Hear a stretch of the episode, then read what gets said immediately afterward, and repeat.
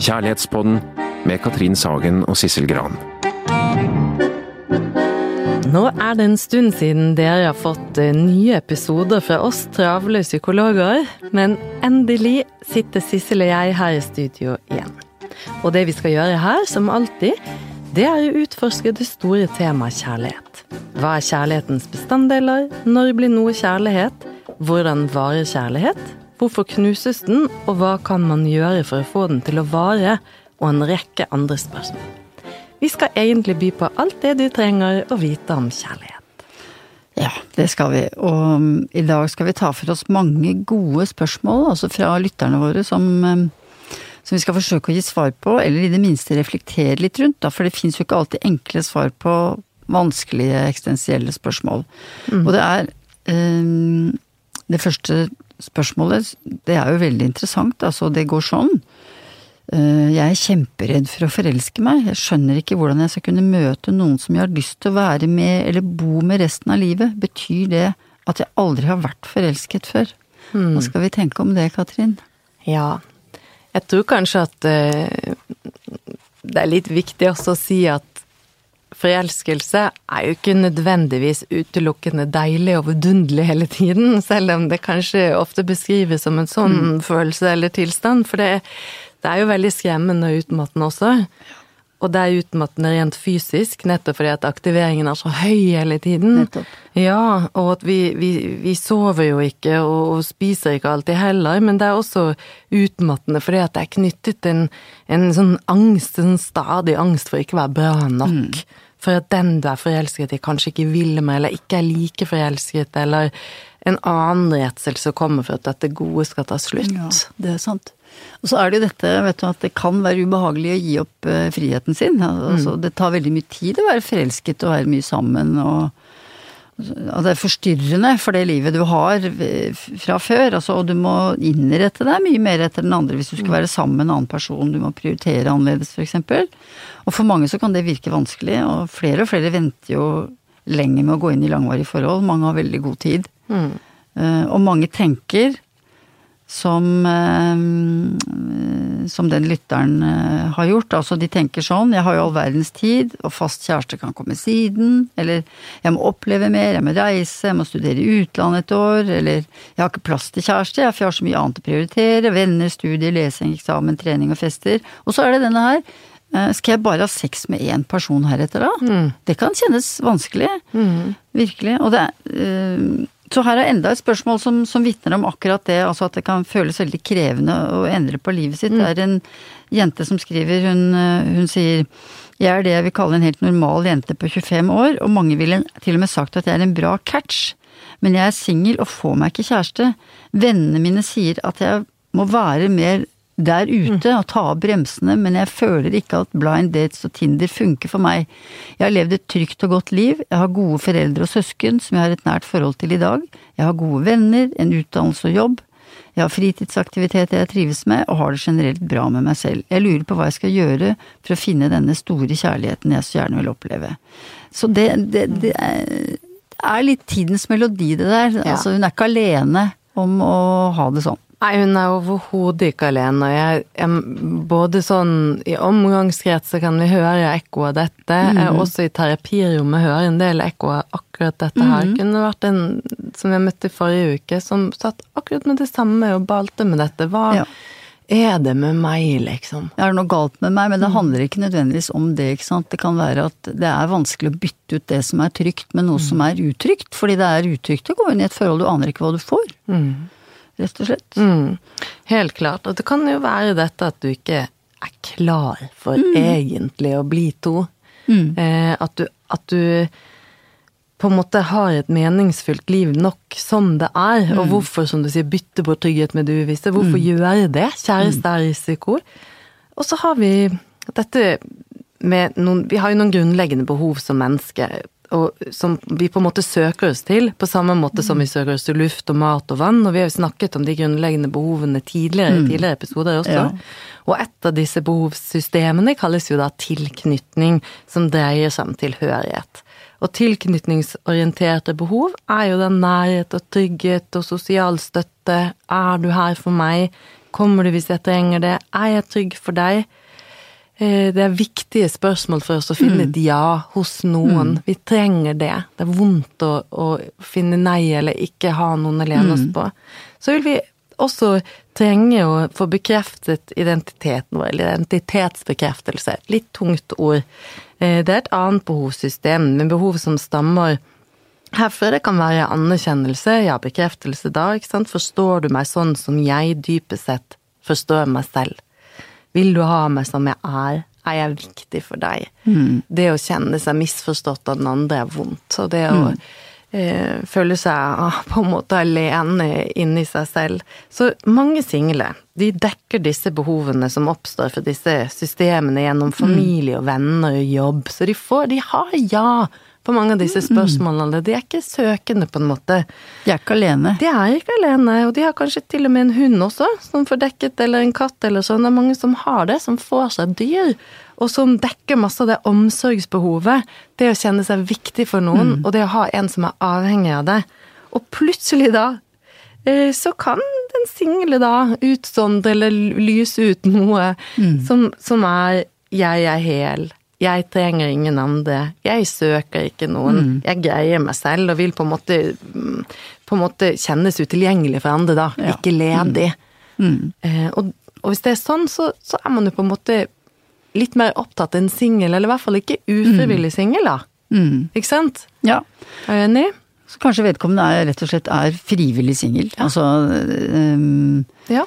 Det kan være viktig å tenke over det, altså. øh, At jeg kanskje Jeg er kanskje ikke erobringsklar eller øh, mottakelig. Jeg er kanskje ikke ledig, og det er kanskje det jeg signaliserer også. Altså at det, man er ikke mør nok, man er ikke lengtende nok, man er ikke desperat nok, rett og slett. Og det, øh, så jeg tenker til en sånn lytter som lurer på dette her, så, så, så bør personen kanskje tenke litt over dette, om det er sånne ting. Og kanskje ikke det er så galt å, å være alene en stund til. Det er jo fullstendig lov å være frivillig singel, og det er litt kjedelig å bli mast på av venner om at man må Ja. gjøre seg liksom eh, eh, Slå av bremsene og, og gå mer ut og kanskje for Dette er jo en person som ikke har så lyst til å være på Tinder, og som ikke syns det er gøy å treffe folk hun ikke kjenner.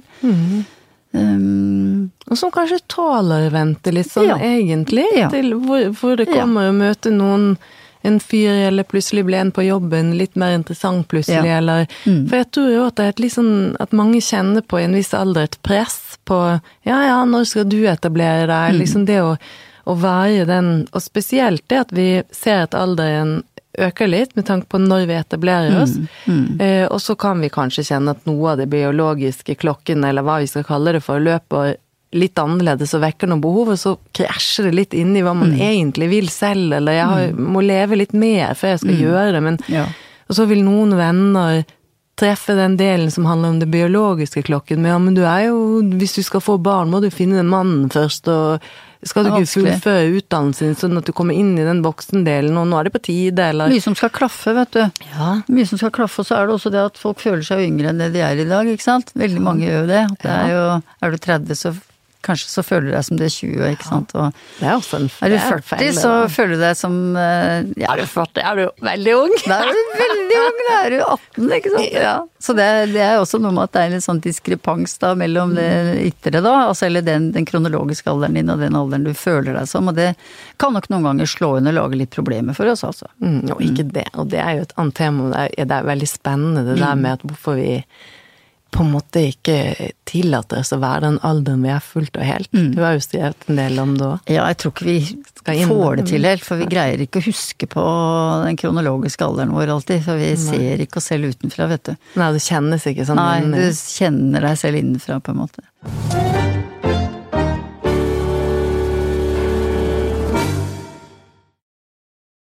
Men så er det dette her da med denne leie tendensen som eh, noen har, som handler om å lete etter feil hos den andre. Og det er eh, et par stykker som har skrevet inn om det. Så, og skal vi ta et spørsmål derfra? Altså, for det er en som, som sier eh, det er, Hun er veldig ærlig, altså. Hun sier jeg har nå fått min første kjæreste. Jeg har hatt så lett for å se etter negative ting hos, hos den andre, så jeg har brukt tid på å klare å bli sammen med noen. Nå kjenner jeg at jeg begynner i mitt gamle mønster. Vi har datet i ca. fire måneder, og så kommer dette altså. Mm. Jeg blir helt kvalm av ham til tider. Så kan jeg plutselig kjenne sterk nærhet og håpe det vil vare for alltid. Hva skal jeg gjøre? Jeg Mm. blir gal av meg selv. Skal jeg stå i ambivalensen, skriver hun her, og øh, øh, holde ut til det blir bedre? Er dette en forsvarsmekanisme jeg har, og vil den alltid komme i denne fasen for meg? Jeg sliter med å skille på om han er feil, eller om det er jeg som sliter og ødelegger forholdet. Tips til hvordan jeg skal finne ut av det. Og den eh, annen som er i akkurat samme gate, altså som er et kortere spørsmål, vi kan svare på begge to, tenker jeg. Altså det er eh, hvor den andre personen sier er det vanlig å finne mange feil og lete etter feil hos partneren med en gang man har blitt sammen. Og da Dette er jo ikke lett. Altså, og det, dette er jo øh, Uff, det er øh, Men det er jo kanskje Her er det masse, nå skal vi kose oss litt med masse. Vi kan altså, kose oss med her, også. Men det kan jo hende at det, at det er forfallspunktet, som vi kaller det, da, som slår inn eh, for fullt. Altså når man plutselig blir kvalm av kjæresten, eller ser feil på feil. Altså at det eh, det er jo ganske vanlig òg, ikke sant, i, i eh, mange forhold. Altså det, og det handler jo om at du plutselig ser sider ved den andre som du ikke liker. Altså, du blir overrasket, for du har tenkt du har kanskje kjent eller tenkt i noen måneder at den andre er perfekt, ikke sant. At det er ikke noe brist her. Det er ikke noe brun prikk på bananen i det hele tatt, altså. Det er, det er en helt utrolig strålende fin person. Og så plutselig oppstår dette forfallspunktet, eller når du ser noe eller hører noe ved den andre som du misliker, og det er klart at man da kan bli kvalm av skrekk, for jeg tror det kanskje er det som da skjer. Ja. At åh, liksom, er du ikke perfekt allikevel? Har jeg tatt så feil en gang til? Det er kanskje det den kvalmen kan komme av. For det er jo i tråd med når forelskelsen faller litt, ikke sant? Ja. At de brillene går litt av. De Ja. der, den cocktailen av, av eh, kroppslig hjelp med hormoner Ja, og adrenalin. ikke er så rusa lenger. Ja, ikke så rusa mer. Og Ja. da ser man hele mennesket, Ja. og så kommer liksom disse prøvene. Tåler jeg det eller ikke? Ja. Og kvalme kan vi jo skjønne at det kan kjennes som, for nettopp som for er redd, men samtidig så plutselig flipper det over til det, ja ja, men han er jo fin også da. At hun kjenner på den ambivalensen og blir redd. Ja, Redd. men det er klart at det er noen som havner mer i den fellen der enn andre, ikke sant. Og som Og jeg tror det er litt sånn tidens melodi òg, fordi at det er en veldig ambivalent Ambivalent kjærlighetssøken for tiden, altså. Det er frykten for å gi opp friheten sin som liksom eh, krasjer med suget etter å få en kjæreste, og at det er vanskelig eh, å, å endre seg, det er vanskelig å overgi seg til en annen. Og hvis jeg skal overgi meg til en annen, så må det være perfekt. Og når jeg opplever at du er ikke perfekt, så kan jeg bli kvalm av skrekk. Og det er vel det som skjer kanskje her. Men hvis, hvis, du men vi må tenke litt, altså. Hvis du, hvis du leter etter hvis du, begynner, hvis du fort begynner å lete etter feil, så tenker vi at det kan være lurt å stoppe opp litt. Altså, hva er det, hva er det noe? kjenne etter, ja. Hva er det jeg driver med? Hva Mm. er dette? Hva handler denne frykten om? For det er jo gjerne det vi kommer tilbake til, ikke sant? Eller At det er frykt. frykt. Det kan i hvert fall være det. Eller er det at det rett og slett kjennes feil? Det kan være at den andre kjennes feil. Men hvis, hun, hvis det er gjentagende, som, som denne personen i hvert fall sier at det er, så tror jeg at det kan være lurt å bremse litt der og tenke ja vel, nå er det kanskje mønsteret mitt Som nå, melder seg igjen. Seg. Nå blir jeg redd for at jeg ikke skal klare å leve med denne mannen som fiser så høyt at jeg hører det gjelde gjennom veggene, eller hva det skal være blir kvalm av. Eller nesen som er litt for stor for hva jeg egentlig syns er fint. Eller at den veier litt for mye eller litt for lite, eller for lite hår eller for krøllete hår, eller hva man blir kvalm av. Ja. Eller ta rydde for mye eller for lite. Ja. Det er gjerne sånne ting også man kan bli Ja. kvalm av rare ting. Ja, man kan bli kvalm av rare ting, men jeg tror nok ofte at den kvalmen da skyldes Det er en sånn snev av skuffelse, redsel, det er sånne ting, vet du, som gjør at vi blir For hvorfor blir man kvalm? Man blir kvalm av når man er redd, man blir kvalm når man er skuffet, man blir kvalm av redsel for å ha valgt feil. Altså man blir kvalm øh, og, og også fordi dere kan minne henne om ting en har opplevd før. Uh, minne en om eh, feil man har gjort før, eller mennesker man har møtt før som man ble kvalm av, ikke sant. Og så. Så der er det litt sorteringsarbeid. det igjen. Litt Sånn, sorteringsarbeid, ja. nettopp kjenner jeg meg igjen i det. Å ja, nei, for han minner om han, og derfor så blir jeg redd, for han var så slem med meg. Men det er en annen person. Dette er en, en ny. Han trenger ikke også være nedlatende selv om han har stor nese, på en måte. Selv om jeg har opplevd det Selv om han minner meg om, Om noe, annet. annet, eller en annen, så er Ja. dette faktisk en helt annen person. Så både stoppe opp, puste godt ned i magen. sånn Når man kan- kvalmen kommer, tenker når du? Når kvalmen kommer, riktig. Og kjenne hva er dette her? Mm. Er han virkelig så ille som jeg holder på med? Hm, vet ikke. Minner meg dette meg om noe? Mm. I så fall hva? Og så sortere litt der. Hvis ikke, er det min egen frykt, mitt eget mønster? Er jeg redd for å bli avvist? Er jeg redd for at kanskje dette er den riktige, og at nå blir det dette, og jeg er litt fanget, er jeg redd for å bli fanget? Er jeg redd for at jeg kanskje kan falle sånn skikkelig, og tenk om jeg da blir avvist? Det tør jeg ikke. Er jeg redd for Er det noe annet jeg er redd for, eller er jeg redd for ikke å være bra nok? Tenker du at hun øh, skulle sagt det? Altså, ikke er, Man kan ikke si til en kjæreste 'du, jeg blir kvalm av deg'. Ja. Det tror jeg ikke er så lurt å si, men at man kan kanskje åpne opp litt for å si litt at øh, innimellom så skødder det litt for meg, og det funker Har du det sånn også, og hva skal vi gjøre med det? I stedet for å gå og skjule det så veldig. Ja, Skal man si ting litt mer? Ja, det tror jeg er lurt å si. Nå er jeg på et sted hvor jeg vanligvis får litt panikk, jeg. Hvor jeg eh, ø, mister litt oversikt og kjenner masse rare følelser på en gang. Eh, så hvis du merker at jeg er litt rar nå, så er det riktig. Så er det riktig, ja. Ja. Ja. Det kan være en fin inngang. Det kan være det, altså. For å få litt hull på det, for da vet vi også at eh, da ofte så faller kvalmen litt vekk, og så kanskje man finner noe gjenklang i den andre som kan si ja, men det kan jeg kjenne meg litt igjen i, jeg kan også ha det sånn, og nå blir jeg også, er også litt redd, eller det er jo akkurat som at vi snakker litt annerledes nå, eller at det, er, flyter ikke like godt, og det blir jeg litt redd av. Ja. Å ja, det har ikke jeg tenkt på, ja ja, nei, kanskje det er det.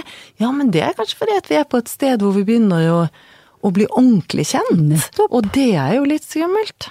Ja da, fordi det er jo det som er det skumle med det forfallspunktet og liksom alle disse sannhetsprøvene et par skal igjennom. At mange tenker at det, hvis sånne følelser oppstår, negative følelser eller rare tanker eller så er det et tegn på at dette er feil, eller at det ikke er kjærlighet allikevel, ikke sant. Eller at eh, dette kommer til å gå galt. Men du, ehm, vi vet jo nå mye fra mm, forskning på dating eh, at særlig kvinner er veldig kritiske og avventende og veldig redd for å velge feil og ende opp med feil person. Og en annen ting Hvis du har mange å velge mellom, vet du, og det er det mange som har i dag altså eh, Særlig kvinner som er på Tinder og som får veldig mange matcher som de ikke vil ha. Mm. Um, så kan det være vanskelig å bli fornøyd, og det er jo mange har jo sett på dette, og en psykolog som heter Barry Swartz, han kaller jo dette fenomenet for et sånt paradoks, the paradox of choice, kaller han det. At og sier at jo flere valgmuligheter vi har, eh, ikke bare når det gjelder mennesker, men også når det gjelder eh, salatdressinger. eller det, ja, altså, eller, ja. Desto vanskeligere blir det å velge, og jo flere valg du står overfor, eh, desto mer handlingslammet kan du bli. Og når du da endelig velger, så kan du komme til å fortsette å tvile på at det valget du tok var ok og bra nok. Og for mange sliter med å slå seg til ro med valget de har gjort, sånn som her, sånn som hun beskriver. For det kunne jo finnes en bedre kjæreste rundt neste sving, eller på neste match. Så det er jo noe alle tvilere bør tenke litt på. Altså fordi kanskje den du har funnet er bra nok for deg, eller er den rette hvis du bare gir personen en sjanse, og slutter å tenke at det finnes en bedre rundt hjørnet. For det gjør veldig mange nå. Og mange sliter i den ambivalensen hele tiden, og tolker alle sånne helt normale sånn surr og tull som skjer i forhold som et uttrykk for at nei, dette er, jeg har valgt feil. Mm. Det finnes en som er bedre der ute et eller annet sted for meg. det, er- det, er så veldig, som du sier, tidens melodi, Mm. dette. Ja. Mange som kjenner seg igjen, så det tror jeg er et godt, et godt råd. Å stoppe litt opp. Og ikke falle der med at man eh, holder på med mange og ender med å velge ingen. Ingen, ja. Mm.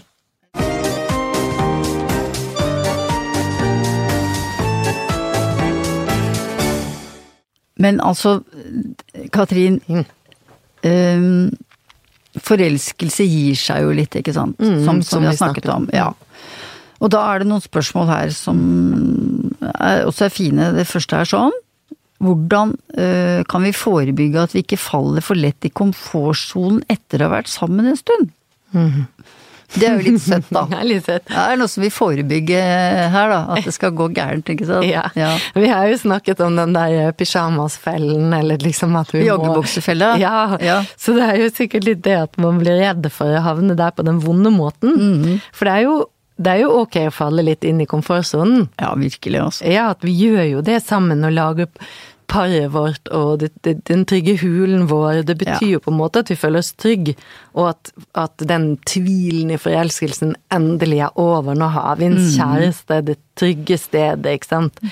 Ikke, vi orker jo ikke liksom at kjæresten hele tiden er en kilde til eh, ristende lidenskap, eufori og redsel og alt dette. For Så det er ganske det. grusomt, egentlig. Ja, det er litt slitsomt. Vi vet jo også at vi trenger å fornye litt innimellom, ikke sant. At vi trenger å gi liv til forholdet, og det er vel det de snakker om, ikke sant. Hvordan, hvordan liksom klare å eh, ikke begynne å kjede seg, det er vel kanskje det man blir redd for? Begynne å kjede seg. Mm. Eh, og, og, eller Netflix-felle, kan vi kanskje også kalle det for i dag. At man plutselig blir sittende og bare se på serier, og drive litt med telefonen samtidig. Og så holdt vi på med det litt for lenge, og så ble vi for trøtte, og så ble det ikke noe nærhet eller noe sex eller noe samtale. Men det var jo en gøyal serie tross alt, da. Ikke sant? Så det er liksom koselig, men, men kanskje litt tomt i lengden. Ja. Og det er vel der vi er, at vi kan gjøre, gjøre det. Og vi kan være i komfortsonen nå, men vi trenger jo liksom Vi vet, i hvert fall forskning viser jo det der at de parene som klarer å også både være litt lidenskapelige over tid, men også ha det trygge over tid, som er litt sånn to forskjellige system. De har lært seg på en måte å se hverandre med litt nye øyne innimellom. Eh, og eh, hvis vi skal eh, gi et bilde på hva det kan være litt sånn ytterst, så er det at de, de kan leke, de kan sitte på bar og sjekke hverandre opp selv om de har vært sammen i 20 år eller mer. Det, det er jo ikke alle som, som har lyst til å gjøre akkurat det, men man, de kan også liksom bare oppsøke hverandre på jobb, for eksempel, for å titte på den andre når den andre ikke vet. Og se liksom hvor attraktiv den andre er i andres øyne, eller på en fest. Bare At du gjenoppdager den andre litt, ja. Mm. Ja, de gjør sånne ting. Og beskriver at de på fest ikke bare sitter ved siden av hverandre, men går litt fra. Mm. Og ser ja, riktig, se å, han er så kjekk når han ler sånn. Ha, han er min. Han er min, ja. Mm. At man ser den andre som en mann eller som en kvinne, og ikke bare som joggebuksekameraten min. Ja. Liksom. Mm. Det er jo eh, artig forskning rundt det. Det er Arthur Irons som jo har eh, forsket på det og funnet ut at eh, det skal ikke mye til. Mm. For hvis du utsetter par for eh, for en litt vanskelig øvelse som de skal gjøre sammen, og de lykkes, så vil de hvis du undersøker liksom før de gjør dette, da, mm. og det kan være litt som å få bundet sammen ankel og, ankel og hånd, og så måtte eksempel et eksperiment som Aaron eh, har drevet med, det er at de da må krabbe over gulvet, og så må de rulle en sånn eh, isoporsylinder med hodet eh, på normert tid inn til et eller annet eh, mål. Ja. Og hvis de klarer det, så får de, eh, får de pluss i boka, og da føler de seg litt sånn som et felles eh, seierrikt team. Ja, og vil da, etter at de har gjort denne øvelsen, oppleve at de er nærmere hverandre enn før de gjorde den øvelsen. Ja, nettopp. Sånne ting. Så det å gjøre ting, det å si ja til en invitasjon, da. Ja. Noen ganger for eksempel. Hvis han spør eh, kan du være med på fotballkamp, eller hun blir med på Ikea, da, for det er så trist å dra alene. Si ja, da! Mm, si ja. Bli med på litt ting, gjør litt ting sammen. Mm. Og eh, gjenoppdag hverandre på Ikea eller på fotballkamp, eller hvor det nå måtte være. Gjør noe nytt eller annerledes. Som. Inviter hverandre på noe Ja. sånn 'nå skal jeg vise deg Oslo med mine øyne', eller gå Ja. på et sted, en ny kafé. Et sted de ikke har vært.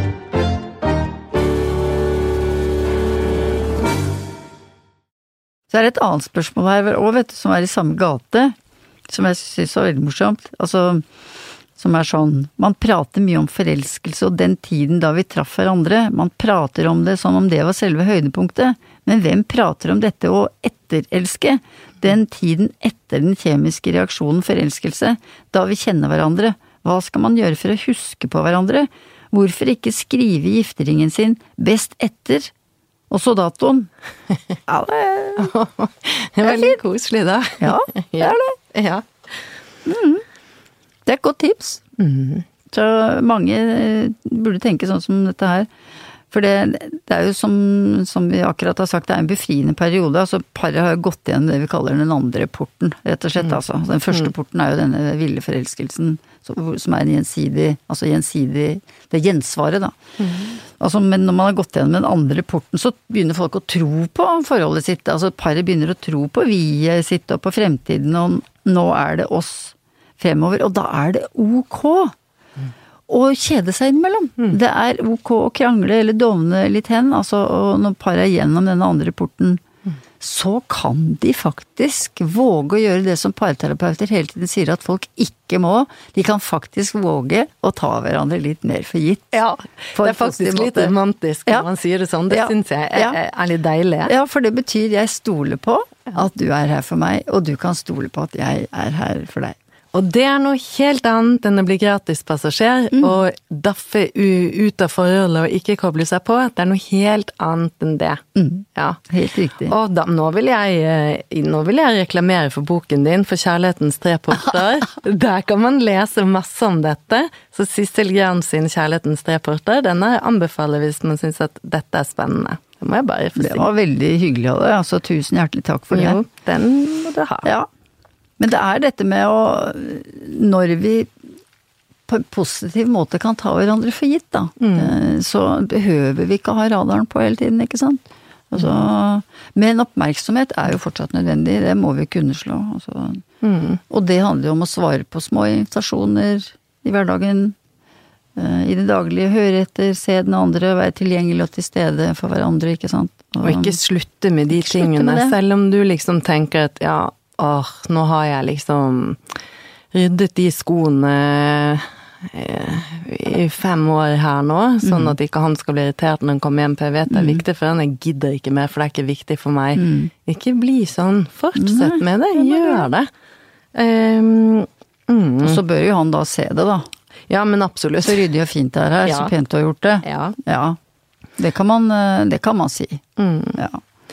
Så det er ikke så farlig å på en måte ta hverandre litt for gitt på den positive måten og stole på at man er der, eh, men man må koble seg på hverandre, man må sjekke inn. Kjenner du at det er kjæresten din? Eh, Gjør jeg de tingene du trenger? Nei, nå skal vi gjøre noe annet, la oss gå en tur, vi skal nettopp snakke om dette igjen. Hva er det du egentlig liker? Hva er det du liker at Ja. jeg gjør? Når er det du føler deg liksom sett og elsket av meg? Selv om vi har vært sammen lenge og vi egentlig tror vi vet svaret, så skal vi sjekke inn og gjøre de tingene der. For jeg vil egentlig fortelle deg at nå har jeg begynt å, å bli litt sånn eh, glad i kaffe plutselig. jeg. Og det har jeg egentlig ikke sagt til deg, men jeg har jo ikke likt det før. Men nå syns jeg det er litt gøy. Så jeg vil gjerne at du skal huske på det, eksempel. Hvis det er ny. Det er en bitte liten ting, men det er sånn Det er ikke alltid vi plukker opp de små tingene, men de, de er så koselige når vi kan se hverandre i det. Så det Veldig.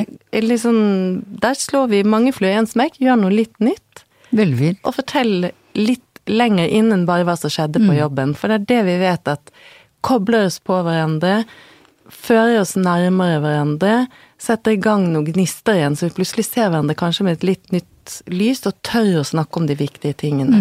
Og ikke bare havne der hvor vi bare snakker på overflaten. Mannen min og jeg hadde 23 års bryllupsdag her om dagen, vet du. Det høres sikkert helt vilt ut, men det er ganske flott, altså. Ja.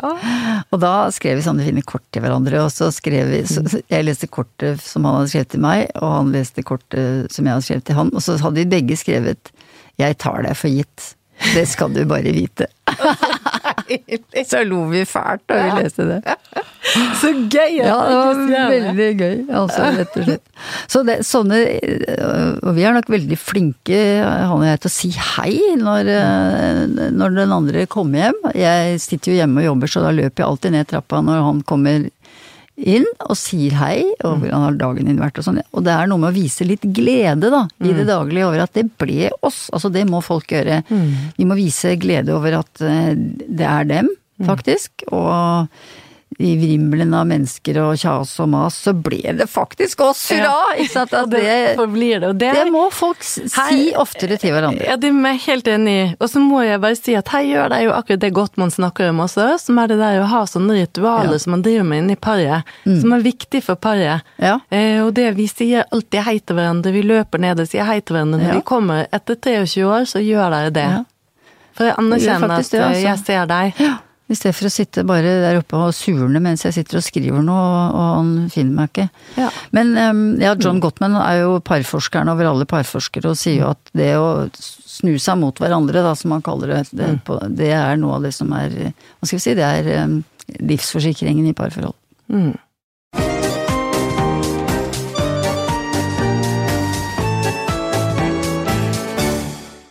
Ja, nå har vi snakket om litt forskjellige temaer, vært litt overalt. Og det er jo så gøy å rett og slett svare på disse direkte spørsmålene fra lytterne, sånn som vi har gjort nå. Ja, og folk har så gode spørsmål. Altså gode og korte og fyndige spørsmål, det er vi veldig glad for. De spørsmålene vi har snakket rundt i dag, de er jo hentet fra et eh, show, eller en livepodkast, et loveshow som vi kalte det, som vi hadde på Rockefeller, som var veldig gøy og koselig å møte mange av dere lytterne der. Så sitter du der og tenker at hm, jeg lurer på noe, jeg får lyst til å, å skrive til Sissel og Katrin, så gjør det. Vi vil gjerne ha spørsmålene dine. Også til eh, VG-spalten, for vi skriver jo annenhver uke i VG, så du kan gjerne skrive til oss på samlivet.vg.no, så kommer det rett til oss. Så takk for at du har hørt på oss i dag. Du finner oss på Facebook og Instagram, og du kan laste ned poddene via VG eller Spotify eller iTunes eller den appen som du foretrekker å bruke. Ha det bra! Ha det!